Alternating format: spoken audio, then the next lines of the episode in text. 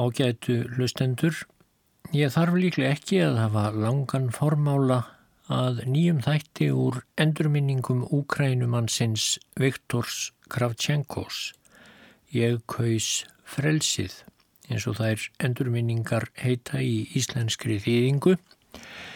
Því þó nokkra þætti hef ég þegar helgað þessum stórmerkilegu minningum undan farin misseri. Kravchenko, hann fættist 1905 í borginni Ekaterínoslav í Úkrænu. Svo borg heitir núna Dnýbró. Hann var af alþýðu fólki kominn sem hafði upplifað á eigin skinni kúun keisarastjórnarinnar á alþýðunni svo þegar borgarastríð braust út í rúsneska heimsveldinu eftir að kommunistar rændu völdum þar haustið 1917 í kjálfar þess að keisarastjórninu var hrundið frá í byltingu á útmánuðum þá skipaði Kravchenko sér óhíkað í raðir kommunista. Þeir væru einir þess umkomnir að hefja alþýðu alls þessa landflæmis sem keisaradæmið hafi náð yfir til vex og virðingar. Og fyrstu árin eftir að kommunistar náðu að sigrast á ofinum sínum í borgarastriðinu og treysta völd sín, þá taldi Kravchenko ótvírætt að hann hefði valið rétt. Kommunismin hliti að sigra og hafa nýtt og betra samfélagi för með sér þrátt fyrir vissulega ímsa örðugleika í byrjun. En eftir því sem hinn nýji einræðisherra Jósef Stalin fór að treysta og herða tök sín, þá fóru smátt og smátt nokkrar grímur að renna á Kravchenko og ekki síst eftir að hungursneiðin ægilega gekk yfir Úkrænu í byrjun fjórða áratugarins en þeim hörmungum öllum lísti Kravchenko í endurminningum sínum á engar átakanlegan hátt eins og hlustendur muna hafa lust. En eftir að mestu hörmungum hungursneiðarinnar fór að linna þá tók svo sem ekki endilega betra við. Því þá var orðið augljóst að Stalin var orðin heltekinn tortrygni og sá andstæðinga í hverju hodni og það rann upp fyrir meðlimum kommunistaflokksins að nú stóðu hrinsanir fyrir dyrum og aðeins þeir sem síndu mest afgerandi hotlustu og undirgefni við Stalin og nota hans gætu lifað af í þeim hörmungum sem nú fóru í hönd. Og ég tek þá upp þráðinn þar sem ég sleft honum síðast í endurminningum Kravchenkos. Kommunistanum var aldrei fyrirfram sagt frá ásökunum þeim sem beint myndi verða gegn honum. Óvissan var óþægilegast atriðið í þeim sorgarleik sem allir sáu nú fyrir. Maður fálmaði sig áfram í myrkri og bjóð sig undir eitthvað sem kæmi óvænt. Maður endur skoðaði fortíð sína hvað eftir annað og velti fyrir sér hvaðan hugsanlegt væri að hættan kæmi. Skildi ég hafa talað of mikið kvöldið góða fyrir þremur árum þegar ég taldi mig vera í góðum vinahóp. Eftir vil hefur einhver af hinnum góðu félögum gefið skýrslu um ógætileg orð mín og svo framvegis. Og það rannu fyrir okkur að umfram allt þá örðum við að bjarga sjálfum okkur, einhvern veginn, sama og hvern hátt, því að það sem við lág var lífið sjálft. Hreinsunin í skólanum, þar sem ég var enn við nám, byrjaði formlega með langri og ákaflega leiðinlegri ræðu sem formaður flokksins í skólanum Galemko held.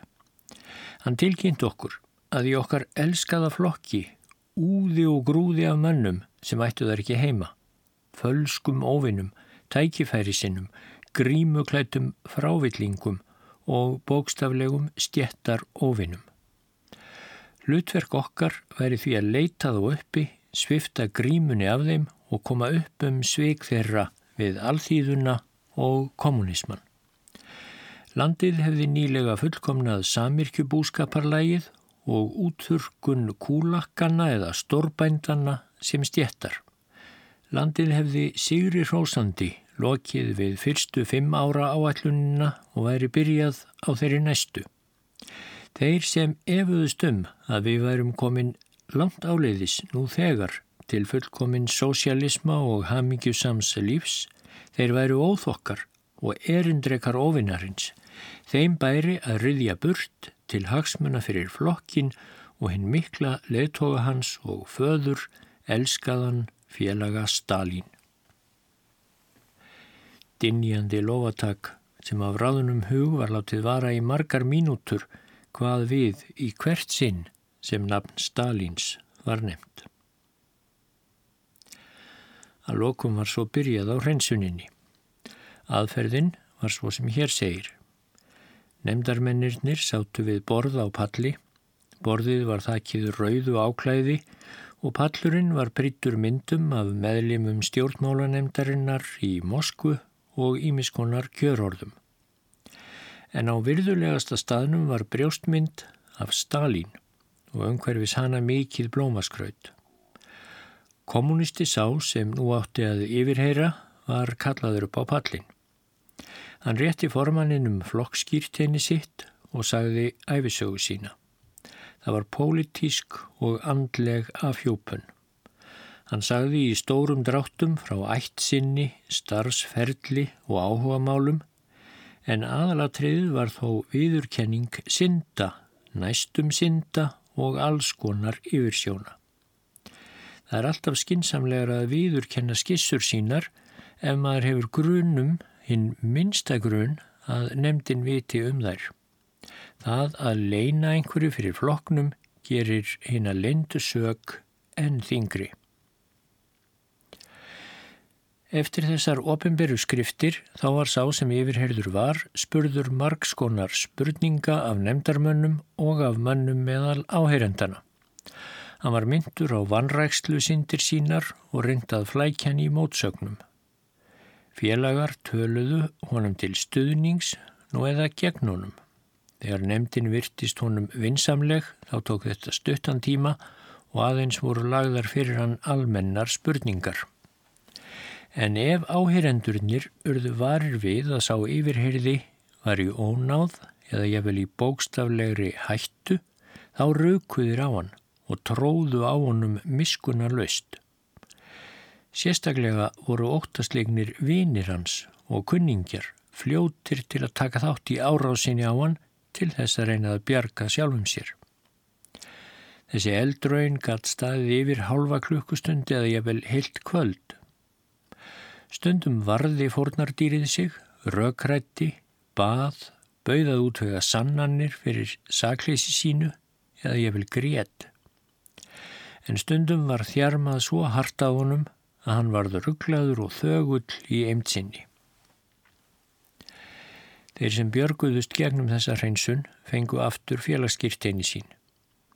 Vinir þeirra óskuðu þeim til hamingju og þetta vakti hjá þeim vonir um að þeir myndu sjálfur komast í gegnum hreinsunina. Stundum frestaði nefndina hveðu upp úrskurð til að leita frekari upplýsinga. Ef menn voru reknir úr floknum þá létu hinnir sem þeir sæju þá ekki og forðuðust á, jafnvel nánir vinir þeirra. Þeir voru einir og yfirgefnir. Þeir gáttu aðeins litið ringlaður í kringum sig í heimi sem var fallin í rústir og læðist út úr salnum með þá tilfinningu að þeir væru nú friðlausir og úrrögg. Sjálfsmorð meðal þeirra sem voru reknur úr floknum voru alls ekki óvalgeng. Allstaðar í hinnum geysi viðlendu Sovjetríkjum, í Stórborgunum og í héröðunum voru haldnir samskonar hreinsunar fundir. Blöðin og útvarpið byrtu útráttur því sem gerðist á hinnum ímsu fundum. Þetta var nefnt flokks líðræði. Og meðan ég satt í áheyrendasal skólans þá var ég mér þess enkennilega meðvitandi að þeirri atbyrðir sem gerðust fyrir augum mínum væru aðeins lítill þáttur af stórkostlegum sorgarleik þar sem miljónir manna og kvenna væru leikararnir og einn sjötti hluti af yfirborði jarðar væru leiksviðið. Ég beigð órólegur og með vaksandi taugaveiklun eftir því að það mér kæmi að stígu upp á leiksviðið. En enn varð byð á því, félagi Sanín gerir þér svo vel, kallaði Galembó formaður. Ljósherður maður um það byl 35 ára að aldri gengur föstum skrefum upp á pallin og afhendir félagskýrteini sitt. Hann er magur og óstyrkur, snotur maður í útliti með glerugu. Við þekkjum Sanín allir og okkur er vel við hann. Hann er kennari í starfræði og vinsæl vegna þess að hann er dálítið latur og ekki allt of strangur. Hann segir æfisögu sína, hann er sonur bonda og byrjaði kommunískan starfsferil sinn með því að ganga ungur í æskulíðsfylkinguna. Starfsæfi sína hófan sem nefandi í rennismíði í verksmiðju, því næst kom hann í skólan, vann rannsóknar og vísindastörf og varða lokum kennari. Þetta virtist fyrirmyndar og átaka lítið æfiskeið. Áherendunum fór að leiðast. En allt í einu er gripið fram í þessa flekklausu æfilýsingu af einum af nefndarmannunum. Félagi Sanín, segir hann rólega, hafi þér nokkur tíma á meðan þér voruð við nám undirskrifað á samt öðrum stúdendum skjál sem hafiði að geima trotski sinnaða stefnusgrá. Það kom ókýrð á áherendurna eins og æfinlega þegar nafn erki óvinnar Stalins, Trotskís, var nefnt. Menn kvísluðust á og litu hver til annars. Sanín svaraði, já ég gerði það, en ég afneitaði henni fyrir löngu og það vita allir að ég gerði. En þér skrifuð undir hana þá, hjælt nefndarmadurinn áfram, þér neyti því ekki. Auðvitað ekki, saði Sanín og reyndi að bera sig vel. Ég hef aldrei farið dullt með það. Allir samstarfsmenn mínir vita og flokkurinn líka að ég gerði mig sekan um þá skissu og ég hef síðar játaðað. Kann að vera, félagi Sanín, kann að vera, en ég er samt að velta því fyrir mér hvort allt sé uppi á borðinu. Ég er að velta því fyrir mér hvort það sé vitað að þér hafið enn skoðanir sem fordæmdar eru af floknum og sovjet þjóðinni. Æsingin í salnum eikst nú ábyrrandi. Áheyrendurnir finna blóðulikt. Þeir sem fyrir fáinum mínútum voru vinir Sanins gerast nú áhyggjufullir. Einn af öðrum fara þeir að leggja fyrir hann spurningar í þeim augljósa tilgangi að veiða hann og bjarga sjálfum sér. Því nánari sem við nátt að þeirra við Sanín hefur verið, því ákafari virðast þeir vera í að sakfælla hann til þess að sína réttláta vanþóknun sína á svívirðilegum glæpum hans. Þeir þekkja veikleika hans og nota sér það. Sanín verður ringlaður og segir ekki alltaf það sem hann ætlaði sér að segja. Félagar í nefndinni segir hann að lokum til sjálfsvarnar Ég hef fyrir löngu afneitað villuminni. Ég hef í raun og veru aldrei veitt trotskíistum stuðning. Ég hef aldrei gengið í félagskap þeirra. Ég var aðeins einu sinni á veikleika stundu, tældur til að skrifa undir skjál sem ég afneitaði svo, bara skömmu síðar. Þessir menn sem nú ásaka mig vita allt þetta vel. Ég skil ekki hvers vegna þeir segja það sem er gagnstætt sannleikanum en formaðurinn tekur nú fram í fyrir honum og það er auðheirt að hann byrstir sig. Það skiptir engum máli, það skiptir engum máli, segir hann. Við vitum allir nákvæmlega hvernig þið trotskíistar, þið óvinnir flokksins óvinnir þjóðarinnar skiptuðum lit. Við höfum gögn sem sanna að þér hafið ekki skipt um skoðun og það er ekki að ástæðu lausu að nánustu félagareiðar eru nú í vafa um yður. Hann snýri sér að áheyrendunum og bætti við hver óskar að taka til máls. Það lítill vafi á því að örlög Saníns eru nú ráðinn. Vinir hans flýta sér því að ráðast á hann allir sem einn, þegar hann er nú fallin og ít honum af barminum niður í hildýpið. Þeir byggja um orðið hver af öðrum til að segja að Sanín sé svikari, út á við kannski hollur floknum en með sjálfum sér sé hann spiltur frávillingur. Þeir veitir það. Engin kemur fram með neinar ákveðnar upplýsingar en Sanín er fordæmdur með hennum venjulegu flokksklísjum. Allt í einu kemur það fyrir sem engin bjóst við. Áherendurnir er eins og lostið hafi nýður eldingu meðal þeirra. Því verkfræðingur sem allir í skólanum þekkja og byrja virðingu fyrir byður um orðið.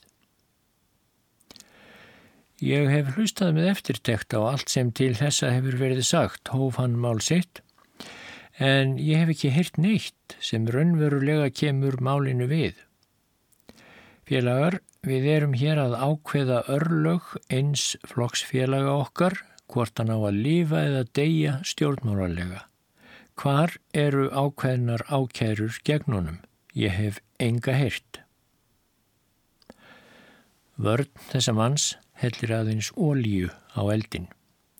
Ástríðurnar hafa verið vaktar, kvattir áfram af nefndinni sem vafalustir þegar búin að taka ákverðun sína, halda samverkamenn Sanins áfram að ákæran og hrúa upp ásökunum gegn honum. Hann er rekinn úr floknum. Skömmu setna heyrum við nefnda segja sögu sína, svarthærðan, með gýðinglegt útlitt og mikið hár. Hann er ungur og starfsferill hans stuttur. Bráðulega er farið að yfirheyra hann. Segið mér, félagi Sjúlmann, hvaða þjóðfélagsstöðu höfðu foreldrariðar fyrir byltinguna? Fadur minn var klæðskeri, svaraði Sjúlmann. Móður mín var venjuleg húsmóður. Sjúlmann lígur, rópaði einhver meðal áheyrendana.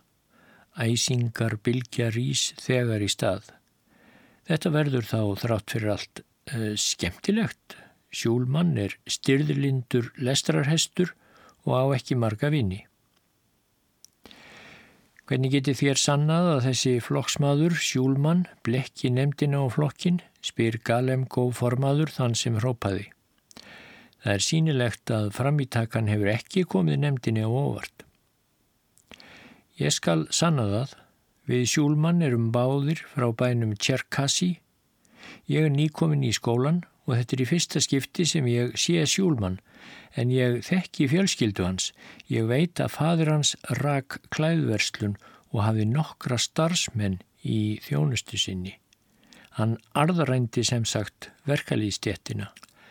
Klæðaverslun fjölskyldunar var við Aleksandrovski göttuna. Ég veit hvað ég er að tala um.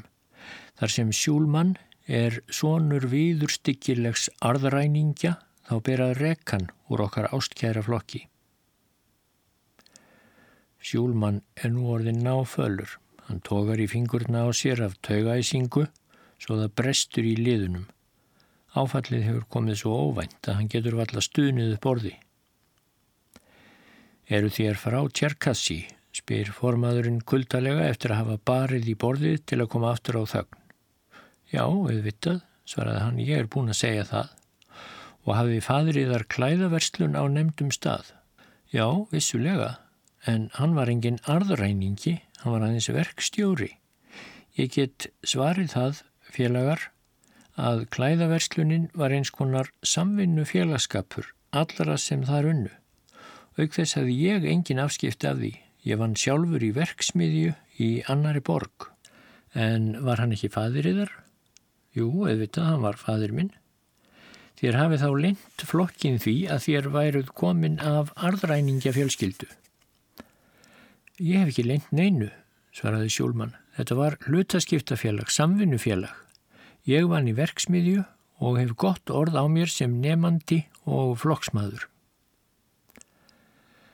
Fasans bætir ekki um fyrir Sjólmann því æstari sem hann verður því meira ber á gýðinglegum framburði hans og það kann ekki góðri lukkað stýra.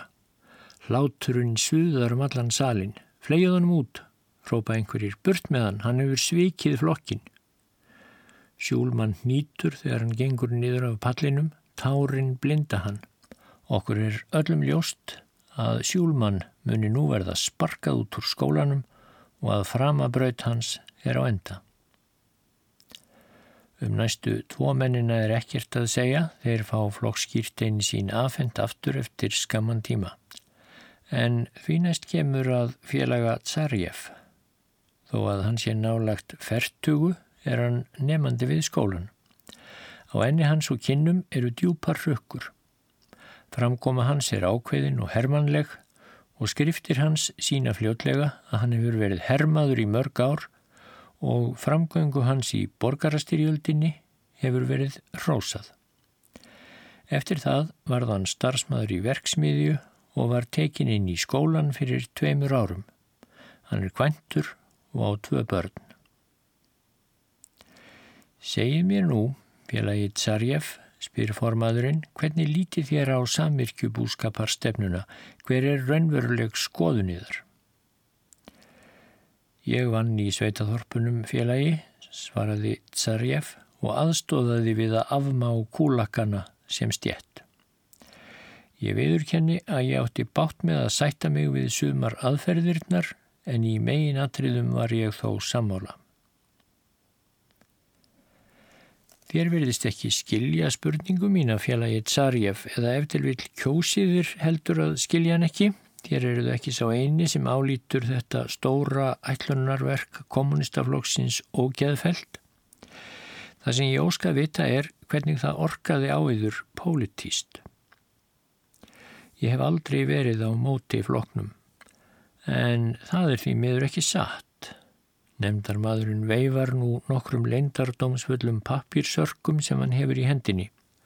Við höfum hér nefnilega sönnunargögn sem sína að meðan verið var að útrýma kúlokkunum þá tóku þér undir gaggríni Búkarins á stjórnmálastefnu félaga Stalins.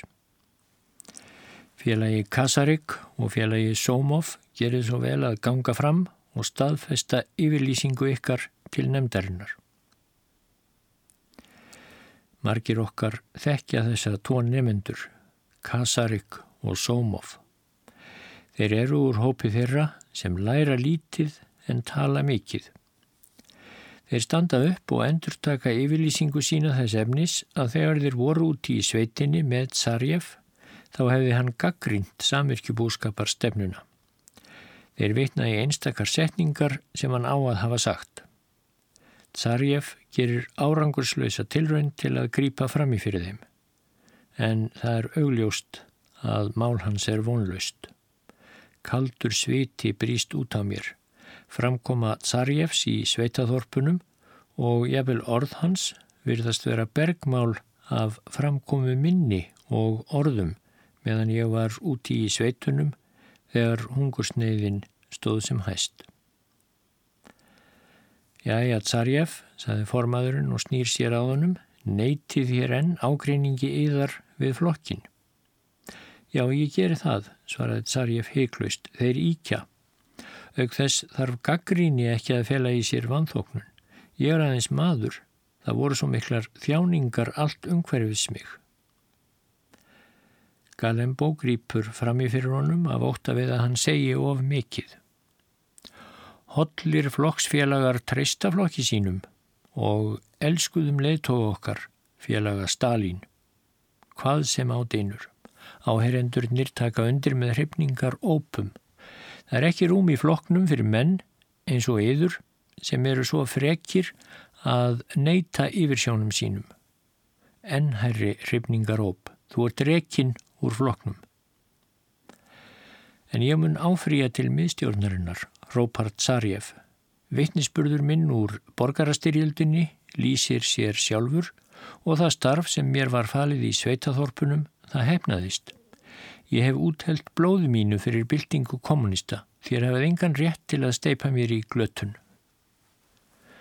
En nefndarmennir hlust ekki á hann. Þeir hafa þegar tekið fram hefti næstamanns. Tsarjef var einn af vinsælustu mönnunum í skólanum en nú munu allir forðastan og allir forðastan nú þegar þegar hann gengur niður af pallinum. Hann getur valla að trúa því sem gerst hefur, að hann skuli hafa orði fyrir þessu. Sá maður sem nú er komin upp á pallin er Dukovtsev. Hann hefur unnið erfiðisvinnu frá því hann var 8 ára gammal. Hann varða lokum verkstjóri og er einn af þúsundunum sem voru valdar til þess að gerast verkfræðingar til að endurreisa heið rúsneska samfélag. Dukotchev býður á sér ágætan þokka. Svör hans við pólitískum spurningum og gildru spurningum við við kendi sögu flokksins eru lítalauðs. Félagi Dukotchev eru þér kventur, spyr Galembo að lokum eins og af tilviljun. Já, hvar kventust þér og hver er kona eðar? Ég kventist í fyrra. Konan mín er dóttir bókara og er nú hjúgrunnar kona á spítala. Segið mér, skrásettu þér hjónabandiðar eða ekki? Með öðrum orðum, hvernig var hjónabandiðar staðfest? Dukotjev ráðnar, hann reyfir sig órólega, hann er lendur í vandræðum. Allt í einu skilur hann hvað er verið að fara. Áherendurnir verða eftirvæntingar fullir, það heyrist ekki múk í salnum. Að lokum játar Dukotjev látt hinn hræðilega sannleika. Ég, ég kventist í kirkju, segir hann úræðalauðs. Eftirvæntingunni er lokið áherendurnir hristast af hlátri. Ég veit félagar að þetta hljómar heimskulega. Rödd Dukotjevs skerst gegnum hláturinn Það er hlægilegt og ég játa það. Ykkur er óhætt að trúa því að kirkjuatöfn skiptir engum áli fyrir mig sjálfan. Ég var ástfangin af konu minni og foreldrar hennar vildu bókstafli ekki leifa að hún giftist mér nema við samþygtum að taka þátt í þessum uh, kirkjulega skrýpaleik. Þau eru afar forn í skapi. Konan mín er ekki hleypidómafyllri en ég en hún er enga dóttir og vildi ekki særa aldraða foreldra sína. Ég reyfst við hana, bað hana og varað hana við að ekkert gott myndi af þessu leiða að við giftumst í kirkju. En hún var óhakanleg og ég gæti ekki án hennar lifað. Þess vegna giftumst við að lokum í laumi í afskektri sveitakirkju. En á leiðinni tilbaka faldi ég brúðarslæðuna og blómin í skjálatörskuminni svo að engir myndi veita þessu aðtykli. Áherendurnir geta nú ekki haft stjórn á kæti sinni. Formaðurinn ber ákaft í borðið til að fyrirskipa þögn en árangurslaust. Dukotchev, sem nú hefur mist alla stjórn á sér, rópar sífelt herra og herra. Ég fullvis ykkur um, við erum ekki trúið. Konan mín vinnur, ég er við nám, við eigum eitt barn. Ég byrð ykkur félagar, fyrirgefið mér þessa skissu mína. Ég viður kenna að ég er sekur um að hafa lind þessum glæp fyrir floknum. Þó að nokkrir menn komi honum til hjálpar er hann rekinn úr floknum með skömm. Það er ekki engöngu vegna hinnar kirkjulegu víkslu, heldur aðalega vegna þess að hann hefur vanrægt að tilkynna yfirmönnum sínum jafn alvarlega yfirsjón. Það er hans raunverulegi glæpur og sá glæpur mun ráða örlögum hans. Á þennan hátt heldur reynsunin áfram, dag eftir dag. Fundirnir byrja strax að loknum kjenslustundum þar að segja klukkan 5 síðdegis og standa langt fram á nótt. Í lok fyrstu vikunnar þegar allt er orðið að ömurlegri kvörn sem surgar jæmt og þjett innan um tár, hlátur og alls konar fjärstæðu þá hrukum við allt upp við það að Rópa var nafn gáfaðs kennara og vísindamanns félaga Péturs Jólkins. Við vissum að fadir hans var fyrirandi prestur og það gerir aðstöðu hans hættulega. Auðvitað hefur fadir hans afneitað kirkjunni fyrir löngu og ég vel gengið í guðleysingjafélagið til að þúa blettinn af mannorði barna sinna. Án þessarar afneitunar föður síns myndi Pétur Jólkin aldrei hafa verið tekin inn í flokkin þrátt fyrir ágæta hæfileika sína sem vísindamanns. Ást hans á vísindunum hefur verið afar óeigingjörn. Hann vann langan starfsdag sem ráðgjafi hjá ymsum verksmiðjum í tilraunastofum og í skólastofum. Það er eins og hann hafi með takmarkalöysri yðinni reynda að uh, þurka burt þetta svívirðilega fjölskyldu baksvið. Ég hitti Jólkin af tilviljun á ganginum morgunin sem ákveðið hafi verið að hann gengi undir hreinsunina. Jæja, Pétur, hvernig líkur á þér, spurði ég. Ekki sérlega vel, veit ég. Á ég nú að falla, rekin í gegn af örinni eða mun hún fljúa fram hjá mér. Fyrst þú hefur þörf fyrir að vitna í efgen í ónegin eftir púskin, þá hlýtur þú að vera ítla komin, sagði ég hlæjandi. En nú stendur Pétur Jólkin fyrir framann óvenjulega fjölmenna samkomu og segir æfisögu sína.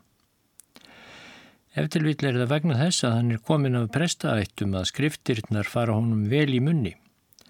Hann hvaðist aldrei hafa lind háðung lífsins og auk þess hafi fadir sinn afneitað kirkjunni ofinberlega með auglýsingu í blöðunum. Hann hveður það ekki hafi verið auðvelt að uppræta það gamla og láta það rýma fyrir hinnu nýja. Það hafi verið langvind og erfitt verk að þurka út sporin eftir hjátrú æskunnar en honum hafi tekist þetta og nú eigi vísindin hug hans allan. Á þann hátt, segir hann, telur hann sig best geta þjónað floknum og félaga Stalin. Segið mér félagi Jólkin það er Galembó formaður, hafi þér þekkt Sanín lengi og vittnar til þess Saníns sem hafi verið yfirherður nokkru áður. Já, Sanín hef ég þekkt nokkuð lengi, við vorum bekkjarbræður, tókum báðir próf úr skólanum á sama tíma og kennum nú báðir við skólan. Vissu þér að Sanín hafði undirritað trotskíista stefnusgrá. Já, ekki síður en margir aðrir hér vissu um það. Ég er ekki að spyrja um hérna, ég er að spyrja um yður. Já, ég neyta því ekki að ég vissi þetta um Sanín, játar Jólkin. Ef svo er, saði Galembó og brindi raustina reyðilega, hvers vegna hafið þér þá ekki tilkynnt hreinsunar nefndinni að þér hafið vitað þetta? Ég sá enga ástæðu til að koma með slíka yfirlýsingu, saði Jólkin. Þetta var svo alkunnugt að það kvarlaði hreinlega ekki að mér. Sanin hefur sjálfur ofinberlega játað mistök sín og það er svo langt síðan þetta gerðist. Heyrið mér nú, Jálkin. Þér neytið ekki að þér hafið haft náinn kynni af Sanin. Þér eruðu mentaður flokksmaður. Þér ættuð að vita hvernig óvinnir flokksins bæði til hægri og vinstri leina sínu rétta andliti en hafið þér sínt nokkur merki um bolsjevíka orvekni. Tilkynntu þér það sem þér vissuð að Sanín hefði sagt. Já, hann hefur aldrei sagt neitt þess áttar í viðurvist minni. Ég hef því ekkert að segja, saði Jólkin.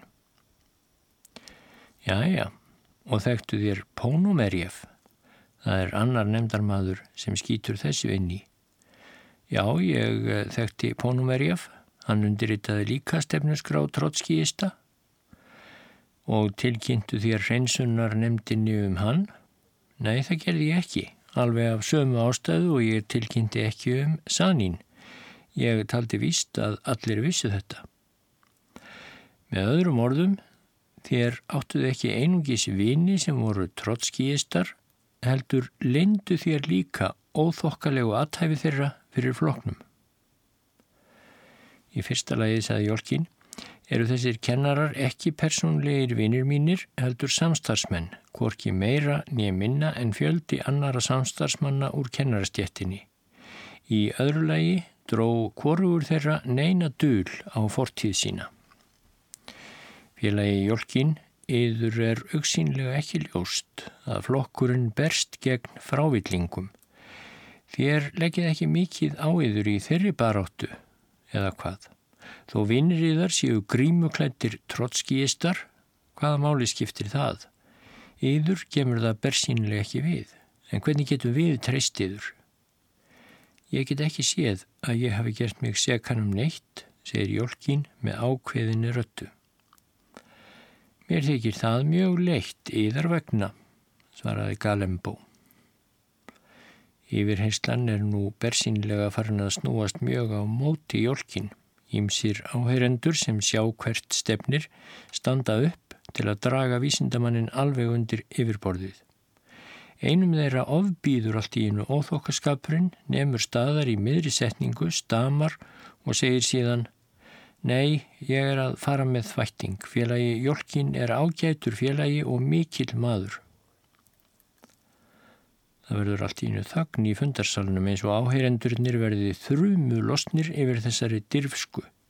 Nemndarmennirnir verða að beita mælsku sinni í fimm mínútur til að æsa sig upp í viðegandi reyði.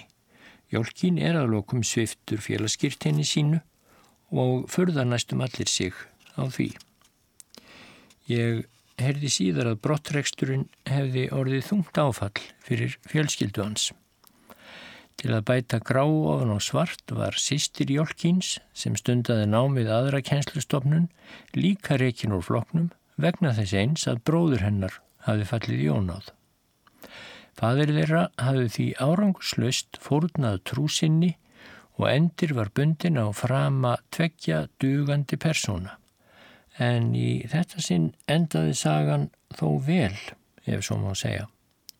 Eftir margra mánada áfríanir sem margir tignir félagar sem vissu um hæfileika jólkins og heiðarleika báðunum líknar, þá var hann aftur tekin í flokkin og við það fekk sýstir hans af sjálfu sér uppreisnæru líka. En fundurinn sem ég var að lýsa helt áfram. Fjórir eða fimm félagar komast gegnum hreinsunina vandraðalöst. Þá er ungu námstúlka sem við þekkjum allir og dáum stað fyrir gáfur hennar og eðinni kölluð upp á pallin. Þetta er dökkarð stúlka með eld snöður augu og hljómfagra rödd, eina af þeim konum sem eru heillandi á þess að vera fallegar Hún skýrir frá því að hún sé dóttir yðnaðarmanns, trésmiðs, að hún hafi byrjað að vinna í verksmiðju 13-14 ára gömul, að hún hafi stundan nám á kvöldin og að lokum verði valinn til verkfræðináms í skólanum. Félagi Graník, spyr formaðurinn að þessu loknu, eru þér gift? Já. Hver lengi hafi þér verið gift? Í fimm ár. Og hver er maður yðar? Hann er fyrirverandi verkamaður. Ég hitti hann á vinnustað mínum. Síðar var hann verkstjóri í Málmsteipu. Er hann flokksmaður í kommunistaflokknum? Nei, ekki lengur, en hann hefur verið það. Nú finna áheyrendurnir aftur blóðlykt. Þeir sem voru að fara út á gangin til að reykja, snúa aftur í sæti sín til að njóta þess sem nú muni gerast, menn tegja úr sér. Hvers vegna fór hann úr floknum? Hefur hann eftir vil verið rekin? Já, maðurinn minn var rekin úr floknum, segir Graník með rólegur röttu vegna þess að hann hafi tekið átt í mótstöðu hreyfingu verkamanna. Og skildu þér við hann? Nei, það gerði ég ekki. En hvar er maðuriðar nú? Hann var tekin höndum. Hann er í fangelsi hjá leinithjónustunni. Nú verða áherendurnir eftirvæntingar fullir. Þetta kannast er við. Þetta er sannarlega harmleikur. Kona sem er flokksfélagi en er gift manni sem er frávillingur. Þetta efni hefur íðulega verið tekið til meðferðar í leikritum í Sovjetríkinum. En með aðstóð höfundarins kýs eh, konan ætið flokkin þegar hún á val millir hans og ástarsinnar. Þannig gerist það í leikritunum. En uh, nú spyr formaðurinn, er það í fyrsta skipti sem maðuriðar hefur verið handtekinn? Nei, það er í annað skipti, segir Graník og ber sig enn vel. Og þér hafið ekki enn skilið við hann? Nei, svarar hún.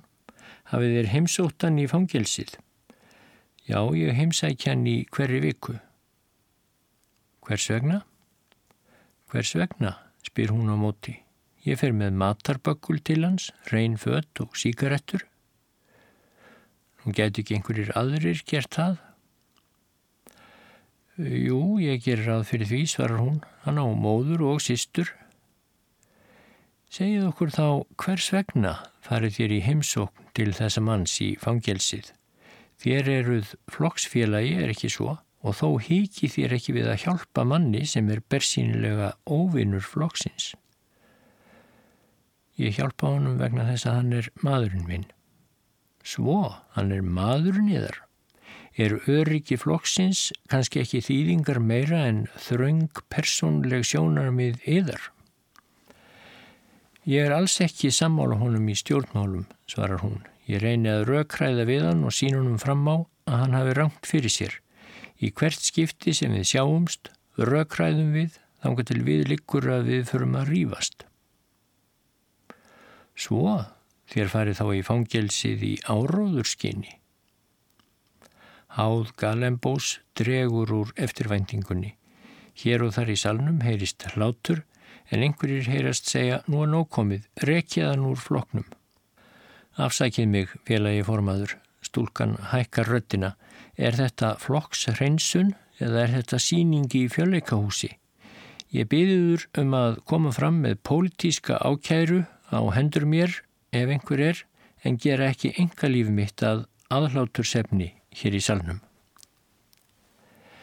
Jæja, hvers vegna svarið þér þá ekki spurningunni og segið okkur þá raunverulegu ástæðu til þess að þér í hverri viku heimsækið stjættasvikara og flokks frávilling. Ég hef þegar sagt yfir það, hann er ekki aðeins maðurinn minn, heldur mannleg vera. Það myndi vera nýðingsverk og hugleysi að skilja við hann þegar hann er statur í neyð. Ég fordæmi sjónarmið hans, afdráttar laust En við höfum unnið saman, við höfum stundar nám saman og við höfum lifað saman. Við höfum ákveðnar tilfinningar hvort gagvart öðru, já, við elskum hvort annað. Þessi hjáttning vekur skelli hlátur. Þannig er kona sem heldur því fram að hún sé kommunisti en er þó ástfangin af fanga leinithjónustunar. Í stuttumáli líkur Galembo málinu þér eruð flokksmaður og játið ekki einu sinni þá yfirsjóniðar að hafa samband við þjóðu nýðing. Ég álíta niðurstaðan líki í augum uppi. Hvenn borgar í Graník á ekki skilið að vera í röðum flokksokkar. Henni skal ekki lengur leifast að leika sér að hagsmunum landsokkar. Þessu er tekið með miklu lofataki. Það er rópað hástöfum rétt burt með hana, burt með hana en þó líður samúðar bylgja yfir fjöldan þegar stúlkan gengur nakka kerti niður af pallinum og yfirgefur salin. Nefandi sem sittur við hlýðin á mér kvíslar að mér ég er ekki að mæla með graník en þegar öllar á botnin kvólt þá er þetta engamál og það hefði ekki átt að taka það fyrir á þennan hátt. Ég svara engu. Hvernig get ég vitað hvort sessunautur minn er raunverulega nexlaður eða hvort aðtóasemt hans er sprottin af öðrum kvötum ef til vill til þess að tæla mig til að koma fram með hættulega skýringu. En næst er nafn Serjósja Tvetkovs rópað upp og þá fæ ég hjartslátt. Hann hafði starfað með mér í sveitaþorpunum í hungursneiðinni og hann vissi allt um það hvaða skoðun ég hafði haft á framgangi kommunistaflokksins þar. Í skriftamáli Tvetkovs mun áraðanlega verða minnst á reynslu okkar í Sveitaþorpunum og ef til vill dregst ég inn í umræðurnar. Ég veit að Tvetkov er örgjaðja og óttast bæði um örgi hans en líka örgi mitt. Þegar hann stendur upp á pallinum og allir horfa á hann þá lítur hann allt of ungæðislega út, allt of hjálparvana. Ungæðisháttur hans sínist næstum því vera móðgun í þessari kuldalegu samkundu. Svetkov er sínilega taugástyrkur en segir þó sína sögu í samhengi. Hann horfir sífelt til istahornsins í salnum. Ég líti sömu átt og sé föður hans brosa kvetjandi til hans og einu sinni mætast augu okkar, segir Jósja. Ég brosi líka til hans og gef hann merki til uppörfunar. Hann er óráðinn á svip og þegar farið er að spurja hann um starfið í sveitaþorpunum, starfið sem hann vann með mér, þá veit ég ekkert hvað hann mun segja.